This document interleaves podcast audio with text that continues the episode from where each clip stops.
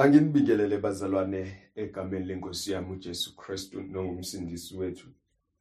Kuyintokozo kakhulu kimi ukuthi nanamuhla siphinde sabelane izwi likaNkuluNkulu. Izwi ke lanamhlanje na silithola encwadini yabaseKolose isahluko sesithathu. Sizoqala ukufunda kwindima yokuqala size sime kwindima yeshumi nesikhombisa. Colossians chapter 3 verse 1 to verse 17 kwabasekolose chapter 3 verse 1 to 17 isifundo sethu sanamuhla silapho asikhuleke egameni lika Jesu Baba wethu ongcwele nonguyise wenkosi yethu Jesu nomdalo wezulu nomhlaba. Nangalesi sikhathi inkosi yami silungele ukuzwa izwi lakho. Siyanxusa nkosi yethu siyathandaza uNkulunkulu wethu onamandla onke ukuba khuluma ngalo kithina ngikhona siyale uNkulunkulu wethu onamandla ukuba silenze ukuba siligcine kuba uNkulunkulu wethu ongcwele senze intando yakho. Gcineni kosuku Nkosi yami siphakamise igama lakho. Sivuselele ngalizwi lakho khulumisane nezimpilo zethu sikwazi ukulizwa sikwazi ukulenza ngezikhathi zonke zokuphila kwethu. ngoKristu Jesu inkosi yethu siyakucela lokhu. Iba nathi ke nangalesikhathi kuze kube kuphakade. Amen. Kwabasekolose chapter 3 verse 1 to 17 kufundeka kanje bazalwane.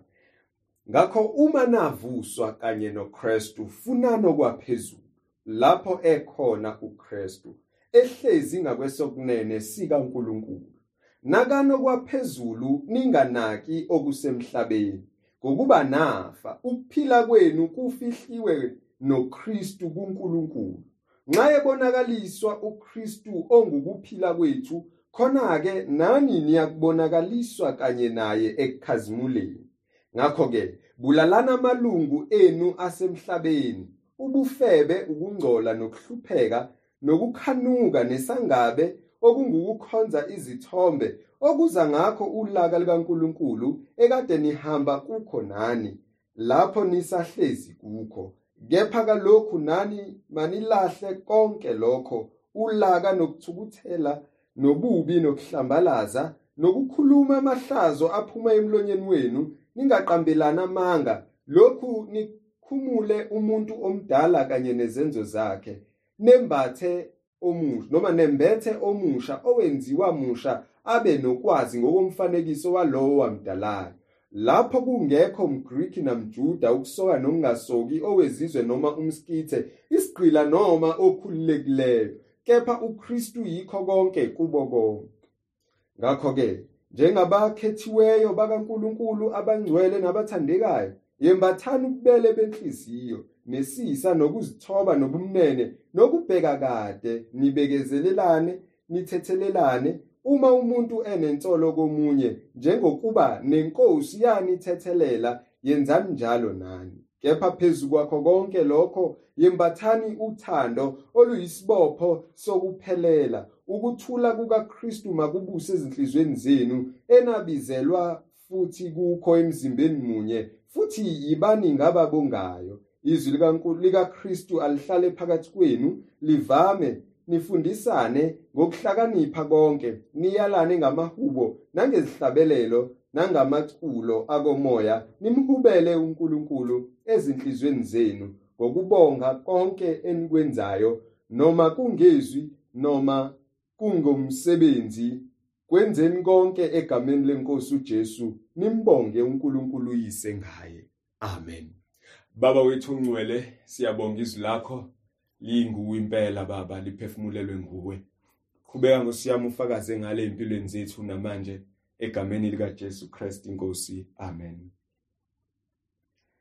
Bazalwane la esifunda khona sifunda incwadi yampostoli uPauli ayibhalayo ebhalela ibandla laseKolosia uma ebhalela labazalwane baseColossians eh uyakuveza lokhu uPauli ukuba uye obhala lencwadi eh ukwisahluko sokuqala sayo lencwadi eh beno Timotheu ongenzeka ke ukuba ngoba isikhathi esiningi indlela akhuluma ngayo la uPaul usebenzisa eh indlela yokukhuluma njenga nomuntu oyedwa obhalayo ezini kune primary author kunomuntu oyedwa nje usebenzisa igama ngesingisi mhlawumbe singathi i.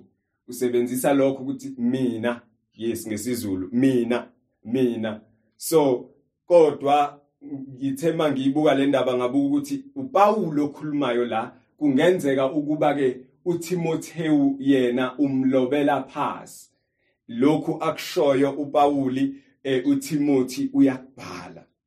So ke uma ke uPauli eyibhala lencwadi ekhuluma nebandla laseKolosiya ukhuluma uPauli nebandla njenganomuntu ongakaze afike. Okusinika inselelo ukuthi ke sizibuza ukuthi eh ubani ke manje na ke eh lo oqalele libandla uma kungasiyo uPaul ngoba isikhathi esiningi amabandla wabhalelayo uPaul sazi ukuthi uke wafika kuwo mhlambe umsebenzi wakhe. Kodwa kunamabandla awabhalele futhi. Angazange afike kuwo njenganje nebandla laseRoma athi ngiyathanda ukuba nazi isifundiso sami. So ke la ibandla laseKolosiya uma abafundi beBhayibheli belifunda beyibheka le ndaba babuka ngokuthi eh kunomzalwane uPauli ammentionayo ku chapter 1 eh ku verse 7 ongu Epaphras igama lakhe ukuthi uyena owafike waqala umsebenzi eColosia emveni kokuzwa izwi likaNkuluNkulu lishunyayelwa uPawulu bese alikhake ubuhlobo naye uPawuli ukuze ariphothe kuye konke okwenzekala eColossian ingakho phela namhlanje uPaul esebabhalela lokhu ukuze bezwe ngaye uPaul qobo lakhe ngoba kukhona indaba ekhona eColossia kunesifundiso esifuna ukufaka kunomuntu ongathi uyaqhamuka engathi unolwazi olungcono. Ukuthi ukuze laba bakholwe kumele benze kanje nakanje nakanje nakanje. So uPauli uzocorrecta lokho ukuthi uma navuswa kanye noKristu nakano kwaphezulu ningafuni okwenyama. Ngoba okwenyama kufana nokubolayo akuzuzisi umphefumulo wenu uthi ke la esifunde khona ngakho uma navuswa kanye noKristu funana okwaphezulu lapho ekhona uKristu ehlezi ngakwesokunene sikaNkuluNkulu. Leli bandla laseKolosia eh ngilithathe ngalibuka nabazalwane noma nebandla lanamhlanje na? Ekunezimfundiso eziningi eziqhamukayo ezifuna eh, ukushintsha ifocus yebandla and nabefundisa abathile ukuze bamkeleke emphakathini baze bagcine sebegwencezisa iqiniso ukuze balalelwe abantu. Ngakho ke ngifuna ukuthi sikhuthazeke namhlanje ukuba sizimisele ekufuneni okwesezulwini ngoba ikulona umyalezo kaJesu Kristu awuzele emhlabeni ukuthi phendukani ngokuba umbuso wezulu ususondele. Ikona lo umyalezo esawunika uKristu and iwona umyalezo esiwushumayelayo uma senza abafundi. Ngakho ke abafundi bakaKristu bafanelwe ukwenze njani? Ukunaka okwaphezulu. Ingakho umpostoli mebhala lana ethi ke ngakho uma navuswa eh, if you have been raised uma navuswa masingachaza amagama la sibheka igama elithi uma kusho ukuthi eh, eh, eh umpostoli ubanikeza inselelo labo ukuthi bazibheke bazifune bazibuke bona ukuthi ngampela yini savuswa kanye noKristu Uma ke impendulo yalokho iwuyebo seyithi ke indaba mayiqhubeka funani ke okwaphezulu.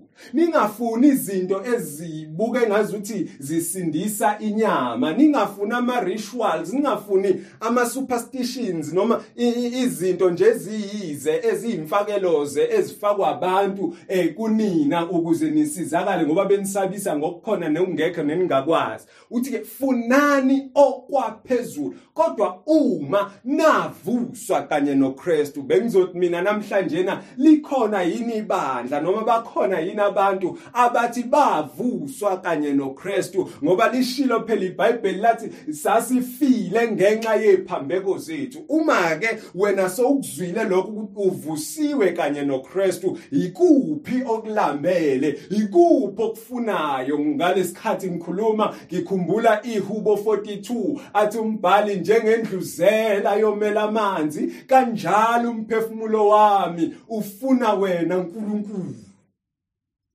Ngokuba uma umuntu evusiwe noKristu ufuna ukufezakalisa intando kaNkuluNkulu. Uma umuntu evusiwe kanye noKristu lo muntu ufuna ukuba agcine umyalelo kaNkuluNkulu. Lo muntu ufuna ukuhamba ngezimiso zikaNkuluNkulu. Uma navuswa kanye noKristu nivusiwe yini?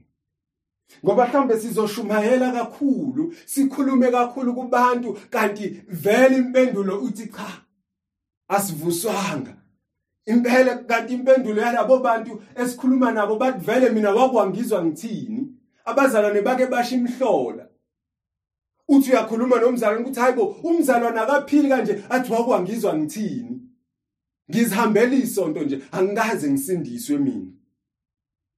So ke lokhu ke lomnyalo noma lokhu kuya kwibandla elithi livusiwe kanye noKristu. Umpostoli uPaul ubuka lana uEpaphras as a faithful minister. Uthi njengalokhu ke fikile phakathi kwenu ufakazi wenu inini ufakazi wakhe inina ufikile phakathi kwenu alishumayela izwi aliphila phakathi kwenu. Uyabuya uzoreporta manje okwenzakalayo phakathi kwenu. Ngakho ke uma navuswa kanye noKristu khohlwani imisebenzi yenyama khohlwani okwezwe khohlwani eh, okulethwa abantu ngangokuhlakanipha kwabo. Kodwa nakani lokho enakwamukelwa nakuzwa kuqala bazalwane? Ikona lokhu esisho ngako simngesibindi sithi uma kuvela umuntu ngambe entshonalanga noma empumalanga eqhamuka ethi mina ngibonisiwe uNkulunkulu uthe kimi angenza ukuthi nokuthi noma ibandla lenza u2 nokuthi no3 no4 no5 cha lo muntu siyathula sibheka izwi ukuthi lithini izwi lona. Ngoba uNkulunkulu akakwazi ukukhuluma ayiphikise. Uma izwi lisho kuhlukene kusho ukuthi lo muntu ungumqambi manga ngakho ke masavu sivuswa kanye noKristu sizonabo kwaphezulu okwaphezulu sikwazi ngayo incwadi engcwele okwaphezulu sikwazi ngalo izwi likaNkuluNkulu esilinikiwe uNkulunkulu ngokuthanda kwakhe. Nakano okwaphezulu ninganako kwasemhlabeni ngokuba nafa ukuphila kwenu kufihliwe noKristu kuNkulunkulu. Abantu bakulesikhathi bayaxhamazela bantu besikhathi sethu bayatatazela basaba izinto kunama spiritual forces akhona abathuswa ngawo. Ekuthiwa ukuze uvikeleke thenga lamafutha ekuthiwa ukuze uvikeleke enza lokhu ukuze usindiseke enza lokhu. Umpostoli uzoqinisa ibandla namhlanje uthi ukuphila kwenu kufihliwe kanye noKristu. Isimanga lesi ukuthi ukuphila kwethu noma siphila sihuzuka emhlabeni kodwa kufihliwe kanye noKristu okusho ukuthi izinto ezikhona manje azikwazi ukuvele zifikelele nje kimi ngoba ukuphila kwami kufihliwe kanye noKristu kuNkulunkulu.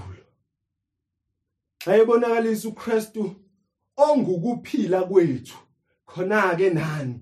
Niyakubonakaliswa kanye naye ekukhazimuleni lokhu okududuza inyama yethu lokho okududuza uqobo lethu ukuthi ngisangakhandleka kwamanje. Kodwa impilo yami ngifana namanzi umfundisi wami wakwenza isibonelo esifana nalesi ukuthi kuyenzeka umuntu afaka amanzi ebhodleleni ebese washake amanzi esebhodleleni awachitheki. Kunjalo ke nathi ukuphila kwethu uma kuKristu Jesu sifana namanzi asebhodleleni. Noma enganyakazeke esebhodleleni kodwa wachithe kuphasi noma singashayeka kwamanje kodwa ukuphila kwethu sinalenduduzo sinalokwazi ukuthi ukuphila kwethu kufihliwe awu siyami kuNkulunkulu kanye noKristu. Mesebonakaliswa ke yena uKristu ongukuphila kwethu. Siyakufana naye ngoba ukuphila kwethu kufihliwe kuye. Ngakho noma zikhona izimo noma zishaya izimo singaloko sazi ukuthi simukhona nje kodwa ukuphila kwethu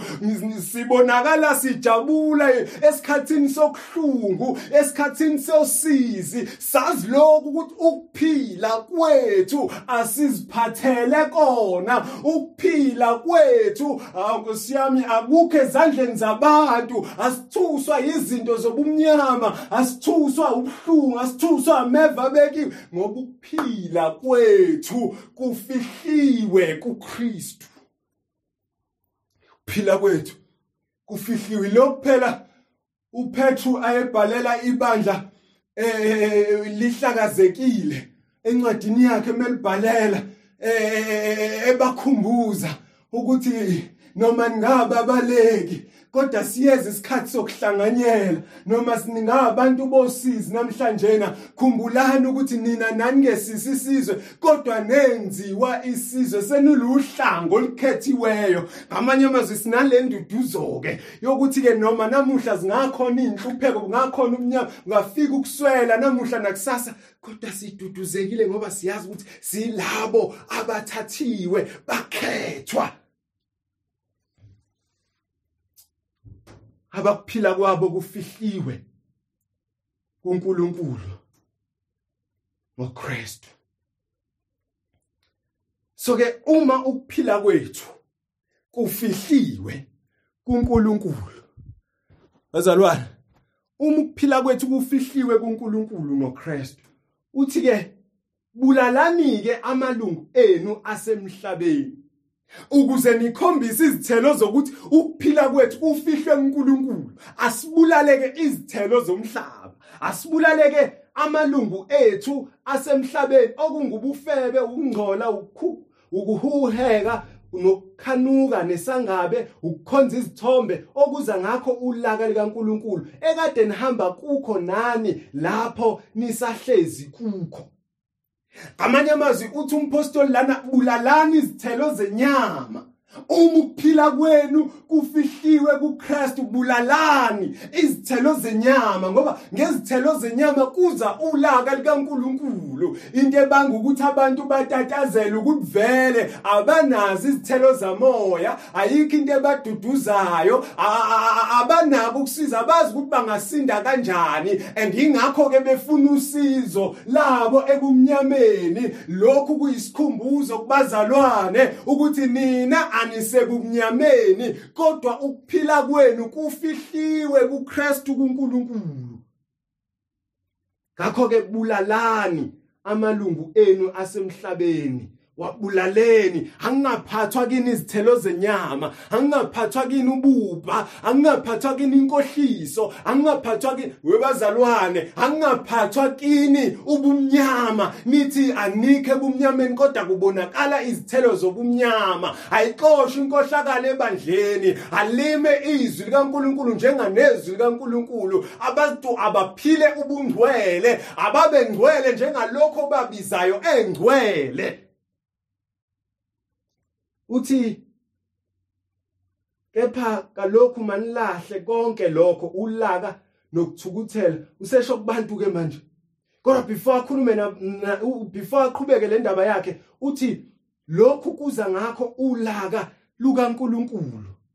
Ekade nihamba kukho nani lapho nisahlezi kukho. Okusho ukuthi uma umuntu ke ukuphila kwakhe sekufihliwe kuKristu Jesu iyashintsha indlela yakhe yokuhamba. Umzalwane uyashintsha umzalwane uyahluka. Nometha ukuthi abazalwane sebephila impilo enjani kodwa ivangeli liyilona lona limemezela ukuhluka kwempilo kubantu abathi bakholiwe kubantu abathi ukuphila kwabo sekufihliwe kanye noKristu. Kepha ke kalokhu nani? Manilahle konke lokho ulaka nokuthukuthela nobubi nokuhlambalaza nokukhuluma amahlazo aphuma emlonyeni wenu. Ningaqambelani amanga lokhu nikhumule umuntu omdala kanye nezenzo zakhe. Khumlani bazalwane. Umuntu omdala. Umuntu omdala kade yiphixiphiqi umuntu omdala kade ewumoni. Umuntu omdala kade enza ukuthi nenze ngendlela engahambi kahle. Umuntu omdala kade enihambisa ngobumnyama. Uthi ke khumlani umuntu omdala nezenzo zakhe. Nihambe ngobuqotho nangokwethembeka. Ni lokhu kuza ngakho kulakhe. Nokuthukuthela nobubi nokuhlambalaza nokukhuluma amahlazo aphume emlonyeni. Ningabe nisakhuluma amahlazo ningaqambelana amanga. Lokhu nikhumule umuntu omdala kanye nezenzo zakhe. Nembathe omusha noma nembethe omusha owenziwa musha abe nokwazi ngokomfanekiso walowo owamdalayo. Asenakho ukuzandulela asenakho ukuyifihla ngobani sesembathiswe umuntu omusha? Lo muntu omusha wenziwe musha uba nolwazi ngomfanekiso walowo owamdalayo. Lapho kungekho mgrick akukho kwahlukana akukho ukuthi kumele uze usoke ukuze ubhilonge kuleli bandla.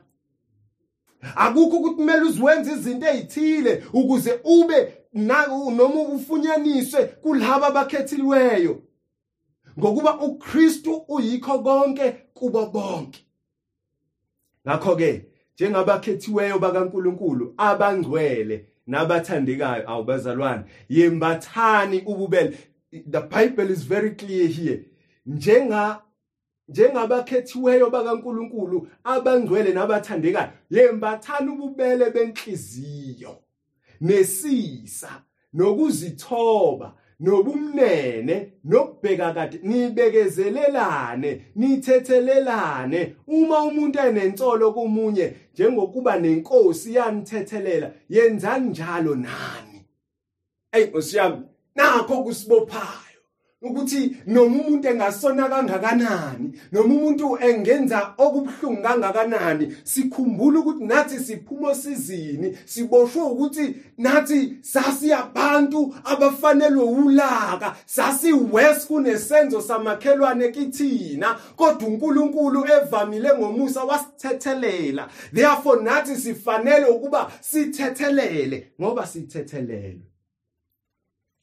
Thula kaKristu makubuse enhlizweni zenu enabizelwa futhi kukho emzimbeni munye. Futhi yibani ngababongayo izwi likaKristu alihlale phakathi kwenu livame nifundisane ngokuhlakanipha konke niyalane ngamahubo nangeyihlabelelo nangamaculo komoya nimhubele uNkulunkulu enhlizweni zenu ngokubonga. Niyoze namukele izifundiso ze njengoba nilifundiswe. Niyoze namukele imfundiso eziqhamuka ngaphandle nje nize nifune izinto eh, engazuthi zilandwe emoyeni kuphi nakuphi ngoba anilazi izwi. Uthi izwi likaNkuluNkulu malivame phakathi kwenu. Fundani izwi nikhuthazane ngalo nangamahubo. Hlalani nabelane ngesipho somoya samoya. Hlalani nichazelani funda izwi la ungacacisele khona hamba obuza kwabanolazi ukuze ukuthula bese ukuthula kukaKristu kube seyinhlizweni zenu. Konke nikwenzayo noma kungezwi noma kungomsebenzi kwenzeni konke egameni lenkosi uJesu nimbonge uNkulunkulu uyise ngaye. Ningakwenzi ngokwezithelo zenzenyama ningakwenzi ngoba nifuna ukuzisindisa cha. Khumbulani nisindile niphephile ukuphila kwenu kufihliwe kuNkulunkulu ngoKristu Jesu. Phila kwethu kuye uNkulunkulu. Ukuphila kwenu kufihliwe noKristu kuNkulunkulu. Loyo umyalezo wami wosuku ngiyawuphinda futhi ukuphila kwenu kufihliwe noKristu kuNkulunkulu. Nakho kumele siziduduze ngakho nakho kumele sizindle ngakho ukuthi ukuphila kwethu kufihliwe noKristu kuNkulunkulu asithandaze. Baba siyabonga izwi lakho la namhlanje siyabonga siyami ukukhuluma kwakho. Siyabonga siyami ukuthi awusikhohliwe. Siyabonga siyami ukuthi noma zikhona izinto nkosiyami ezingadala ubuyaluyala empilweni zethu zifune nkosiyami ukuletha enkulunkulu wethu ongcwele okungasiso isifundiso sakho. Nokuthi futhi zilethe indlela yokuziphatha eyahlukile singamakholwa.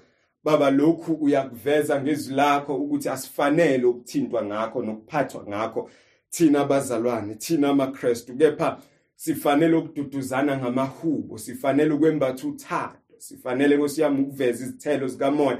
Akakhuluma ngazo umpostoli kwibandla laseGalatia. Baba wethu ongcwele siyathandaza ukuthi phinde usisize ulandise ibandla lakho. Qhubeke uNkulunkulu wethu onamandla onke kubu izwi lakho lishunyayelwe qhubeke ngosenamandla usivulele ngosiyami iminyango ukuba silizwe izwi lakho. Lona lodwa elingaxutshwe nalutho. Ebese Nkosi yami yasinqobela kwizimo zonke ezithusana kangaka ezenza ngisho amakholo atatazele. Baba wethu namandla onke sikhumbuze njalo siyale ukuba ukuphila kwethu kufihliwe noKristu kuNkulunkulu. Thatha udumo nangalesikhathi nezibongo namandla nobukhosi kuze kube kuphakade. Ngokumusa ngowakho nenkazimulo namandla nobukhosi. Amen.